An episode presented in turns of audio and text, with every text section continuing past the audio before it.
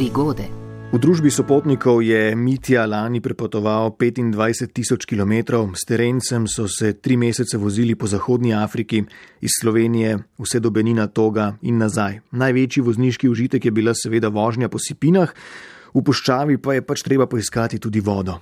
V Zahodni Sahari so se od enega vodnega zajetja odpravili proti drugemu, ki je bilo po njihovem prepričanju nekaj sto km južneje.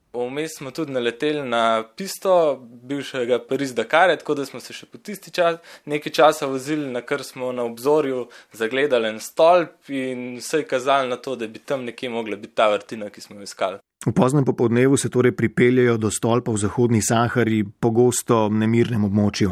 Dejansko cel dan smo srečali samo a, enega saharca z nekaj sto ovcami, to je pa to. Tako da, ko smo videli ta stolp, je bilo jasno, da mora biti vsaj en varuh tiste vrtine nekje v bližini. No, pa ni bil zgolj en in ja, bili so varuhi, neke vrste.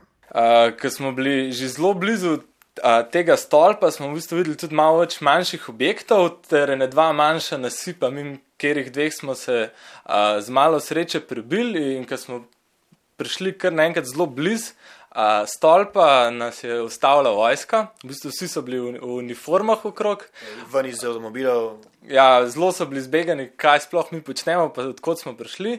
Um, seveda smo mogli takoj ven, prenesti vse dokumente, vse papirje od avtov in od nas. Uh, govorili so valjda v, v svojem jeziku in na to so nas poslali uh, k glavnemu generalu oziroma glavni osebi tega štaba. Mitja s sopotniki v iskanju vodnega izvira torej zapelje naravnost v vojaško oporišče. Presenečeni so bili vojaki, presenečeni slovenski popotniki sredi Zahodne Zahare, ampak tudi presrečni.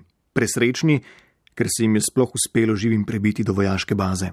V tem po parih minutah je le un general prišel in je razložil, kakšna je situacija, da smo prišli v vojaško bazo, da je območje okrog minirano in da so bili malo presenečeni, da smo mi sploh tam čez prišli. Rekel je, da je pač okrog baze vse minirano, uh, pa približno je jasno, tam, kjer so nasipi, je ponavadi tudi minsko polje na eni ali na drugi strani. In nasipi so bili tik ob cesti, po kateri so vozili. Vojaki jih kasneje še pospremijo iz baze do vodnega izvira, ki so ga pravzaprav popotniki iskali in, ker je bilo pač že temno, poskrbijo za nje ne le s pijačo. Tako da smo dobili vojaško spremstvo prav do izvira. Tam so nekoga zadolžili, da je merko nas celo noč, da so skrbeli za nas, tako da smo konstantno v bistvu dobivali to počaj, svež kruh, piškote, olive, kamelje, čevapčiče smo jedli uh, in pa igrali smo karte z vojaki cel večer v eni hiši. Zgodbo o vdoru v vojaško bazo bi lahko že kmalo delili z motoristom, ki so ga srečali v Saharski puščavi, z motoristom, ki so ga opazili med vožnjo in je bil namenjen v nasprotno smer kot oni. Že čez nekaj minut, ko je očitno obrnil, pa je vozil usporedno z njimi. Te prvo se vprašaš, kaj za hudiče je zdaj padlo z mojega avta, da je ta obrnil. Uh, in na kar on že pokaže, da je ostal, zapele pred nami, in pa smo že videli slovensko registrsko tablico, in potem valjda neizmerno veselje, tako je po hladilnik po viski, enega na zdrav in vprašati, kaj hodi, če on tam počne. Počne podobno, ki ja, išče primeren kotiček sredi Sahare, da se bo gono gor pa dol po sipinah in užival. Ne, ni bil miren stanovnik, pač pa motorist iz Ilirske bistrice. Če nas poslušate, prenašam lepe pozdrave. Če imate pa zanimivo prigodo, ki jo radi pripovedujete, pokličite na nič 1 475 2202 ali pa kontaktirajte.